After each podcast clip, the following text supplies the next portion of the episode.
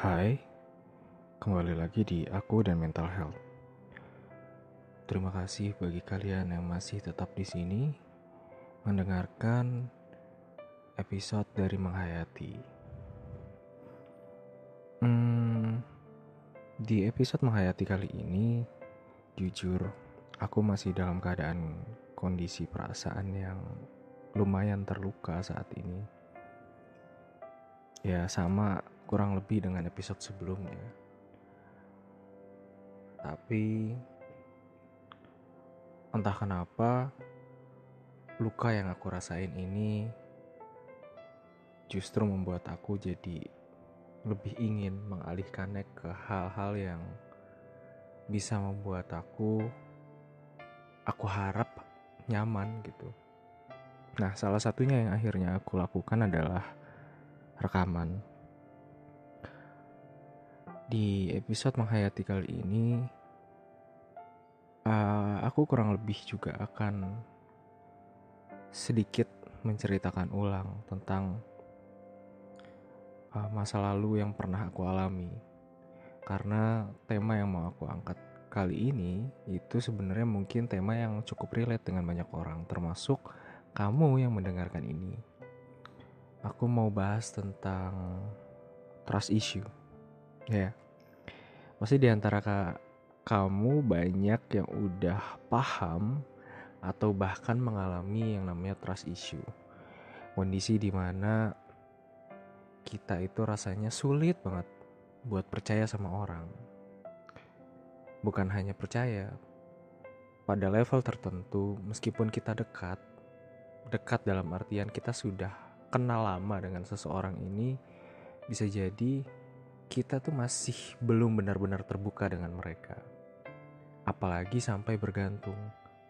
Biasanya, orang-orang yang mengalami trust issue akan sangat anti terhadap hal-hal yang sifatnya bergantung terhadap orang lain. Jujur, aku juga pernah mengalami hal itu. Tepatnya di pertengahan ketika aku kuliah ya di pertengahan semester di saat aku kuliah sebelumnya.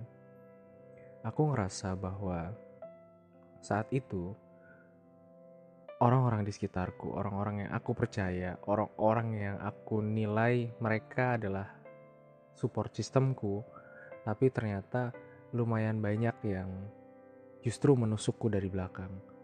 Justru suka kalau aku terperosok dan tersungkur Mungkin kalau kalian mendengar no edit terakhir, si Raja Tupai adalah salah satu orang yang pada momen ini melakukan hal yang serupa. Ya, pada saat ini, di momen yang aku ceritakan ini, pada akhirnya emang si Raja Tupai aku maafkan meskipun ia tidak pernah meminta maaf. Namun ternyata di kemudian hari, ia justru mengulangi kesalahan yang sama. Nah, uh, by the way untuk intermezzo hati-hati dengan seseorang yang berbuat salah kepada kamu tetapi tidak pernah meminta maaf. Melainkan ia langsung uh, berinteraksi ramah dengan kamu bercanda tapi tidak sedikit pun ada kata maaf darinya keluar ketika ia melakukan sesuatu yang menyakiti kamu. Hati-hati. Ya jadi pada momen ini banyak sekali orang-orang yang aku percaya bisa menjaga rahasiaku justru dengan mudahnya justru menjadikan apa yang aku ceritakan ke mereka sebagai bahan mereka untuk menggibah tentang diriku. Yang harusnya mereka menjaga, yang harusnya mereka minimal ketika aku ceritakan itu ya simpan untuk diri mereka sendiri gitu. Simpan untuk penilaian mereka sendiri terhadap diriku. Tapi itu malah mereka jadikan sebagai bahan untuk diceritakan kepada orang lain dengan fungsi sebagai apa ya?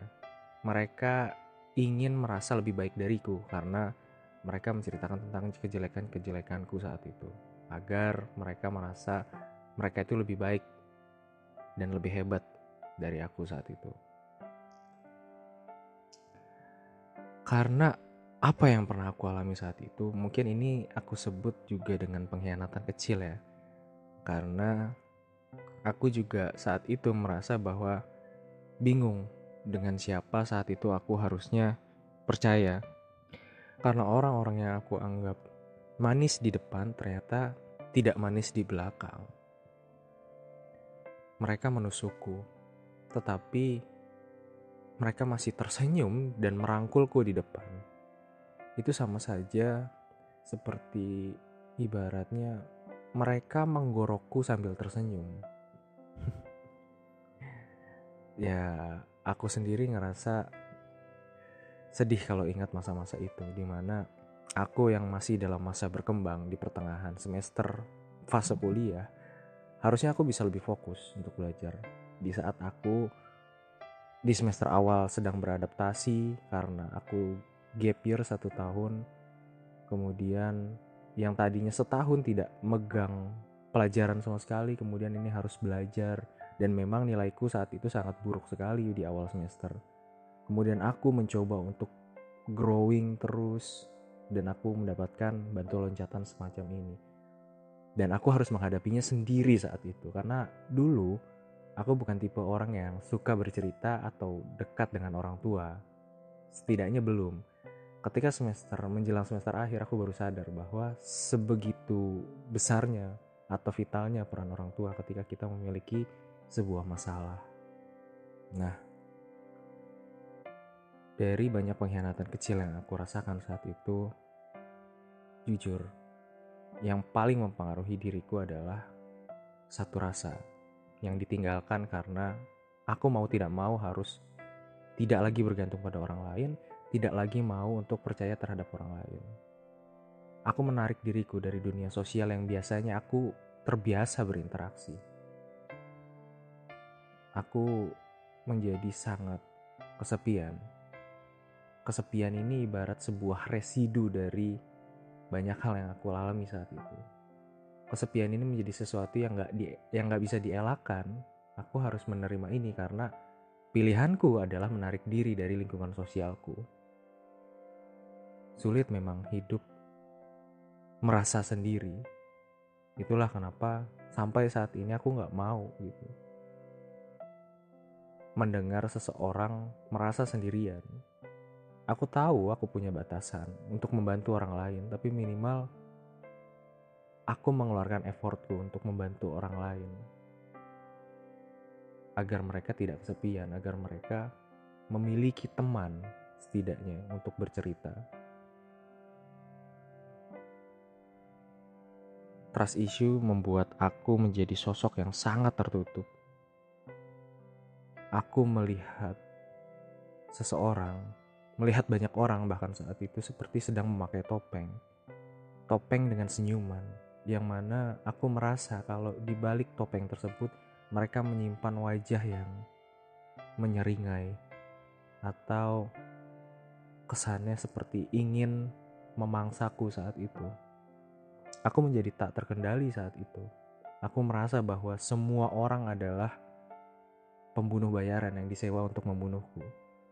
Ini terkesan lebay, tapi aku merasa seperti itu saat itu. Aku merasa bahwa diriku saat itu memang tidak hebat dan justru aku semakin yakin karena ketidakhebatanku ini bisa menjadi bahan bakar bagi orang lain untuk merasa lebih baik dari diriku dengan cara bergibah tentangku. Aku menjadi sangat sensitif saat itu terhadap julitan-julitan gibah dari orang lain, terutama ketika aku harus berhadapan dengan anak-anak yang saat itu berbeda kultur denganku. Karena aku kuliah di kota yang bukan kota tempat aku uh, lahir dan besar. Nah, Ketika rasa kesepian ini melanda, pada akhirnya aku sadar bahwa aku nggak bisa kayak gini terus. Bahwa uh, aku nggak bisa hitam putih. Kalau kenal orang itu harus memberikan kepercayaan 100%, sedangkan kebalikannya adalah tidak sama sekali mau dekat dengan mereka, tidak sama sekali mau berinteraksi. Aku menjadi hitam putih seperti itu aku mengambil satu titik ekstrim dan titik ekstrim yang lainnya sebagai pilihan. Makanya aku sadar aku nggak mau ngulangin hal itu lagi. akhirnya aku sadar kalau aku nggak bisa ngambil titik ekstrim dan titik ekstrim. Setelah aku mencoba untuk mau menerima diriku, menerima kekuranganku, menerima untuk sedikit membuka diri pada hal-hal yang mungkin sederhana pada orang-orang di sekitarku. Pada akhirnya aku sadar bahwa tidak semua orang dan tidak setiap waktu mereka akan berusaha membunuhku. Dulu aku melihat seorang pembunuh, tapi lambat laun aku hanya melihat seorang manusia, kumpulan manusia yang terkadang mereka bisa hilaf, yang terkadang mereka sangat tergoda untuk menceritakan kembali apa yang orang lain ceritakan kepada mereka. Mereka sangat tergoda untuk menjadi lebih baik dari diri kita. Ya karena itulah manusia. Inilah yang membuat aku sadar. Pada akhirnya, aku bisa membuka diriku perlahan-lahan setelah aku tahu prinsip profesional, ternyata prinsip profesional itu tidak hanya berlaku di dunia kerja, tetapi juga di dunia yang lebih simpel yaitu interaksi sosial. Aku mulai membuka diriku, membuka interaksi dengan mereka. Tetapi dengan catatan aku tetap memfilter apa yang bisa aku sampaikan dan apa yang seharusnya aku jaga untuk diriku sendiri. Pun kalau aku merasa itu perlu diceritakan agar aku tidak burn out suatu saat, aku menceritakan kepada seseorang yang memang sudah pasti tidak akan menceritakan itu kembali ke orang lain entah itu psikolog entah itu uh, figur yang memang sudah teruji secara bertahun-tahun pengamatan dari diriku sendiri bahwa dia tidak akan bercerita kepada orang lain dan memang ternyata ada orang seperti itu dan inilah yang membuat aku merasa lega Aku hidup dengan orang-orang yang tidak sempurna. Begitu juga aku. Aku bukan orang yang tidak pernah menceritakan kembali cerita orang lain. Aku bukan orang yang tidak pernah merasa lebih baik dari orang lain. Aku bukan orang yang merasa orang lain itu selalu setara. Aku juga pernah merasa bahwa ada beberapa orang yang kualitasnya aku anggap jauh di bawahku aku adalah orang yang pernah merasa egois. Harusnya di sinilah titik di mana aku harusnya bisa merasa adil untuk memandang orang lain. Karena aku juga tidak sempurna. Sedikit demi sedikit aku mulai bisa percaya kepada orang lain. Dengan tanda dengan hmm, batasan bahwa uh, tetap ada potensi bahwa orang lain itu akan hilaf sehingga aku memfilter informasi yang bisa aku ceritakan kepada orang lain. Dan soal bergantung, aku tidak pernah bergantung dalam hal yang ibaratnya bergantung besar gitu ya. Kalau aku tidak memberikan timbal balik yang besar juga kepada orang lain. Tetapi mungkin kalau bergantung dalam artian ketika aku misalnya dulu ya waktu masih kuliah itu uh, belajar kelompok dan kita ada pembagian tugas dalam mengerjakan uh, tugas dari dosen, maka ya aku nggak boleh nggak percaya terhadap teman satu kelompokku gitu. Tahu pada akhirnya memang terbukti mereka bisa uh, dipercaya dalam hal itu.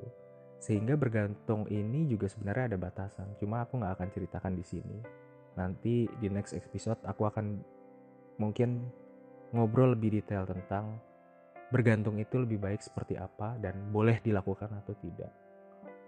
Tapi untuk saat ini hanya sebatas pada